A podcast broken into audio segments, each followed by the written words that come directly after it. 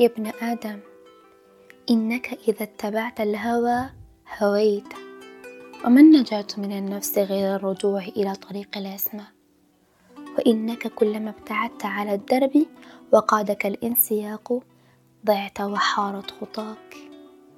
أولم تسمع قوله أفرأيت من اتخذ إلهه هواه وأضله الله على علم.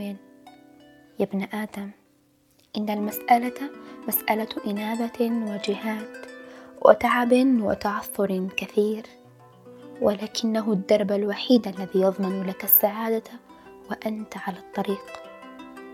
وإنك إن كابرت وتكبرت وتأخذك العزة بك فيكلك إلى نفسك ثم لا تكون شيئا.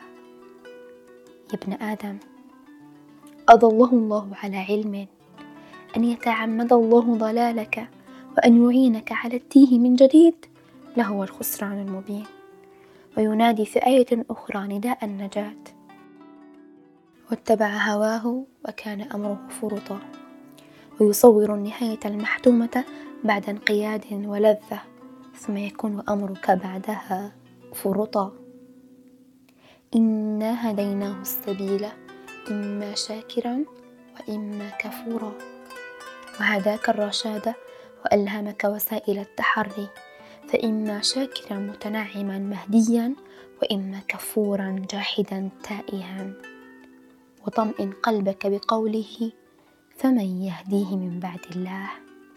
وعد أدراجك وتحرى ببصر قلبك. وقاوم ما تحب وتحمل كل ما تكره. وتذكر ومن اتبع هواه مآله إلى أين؟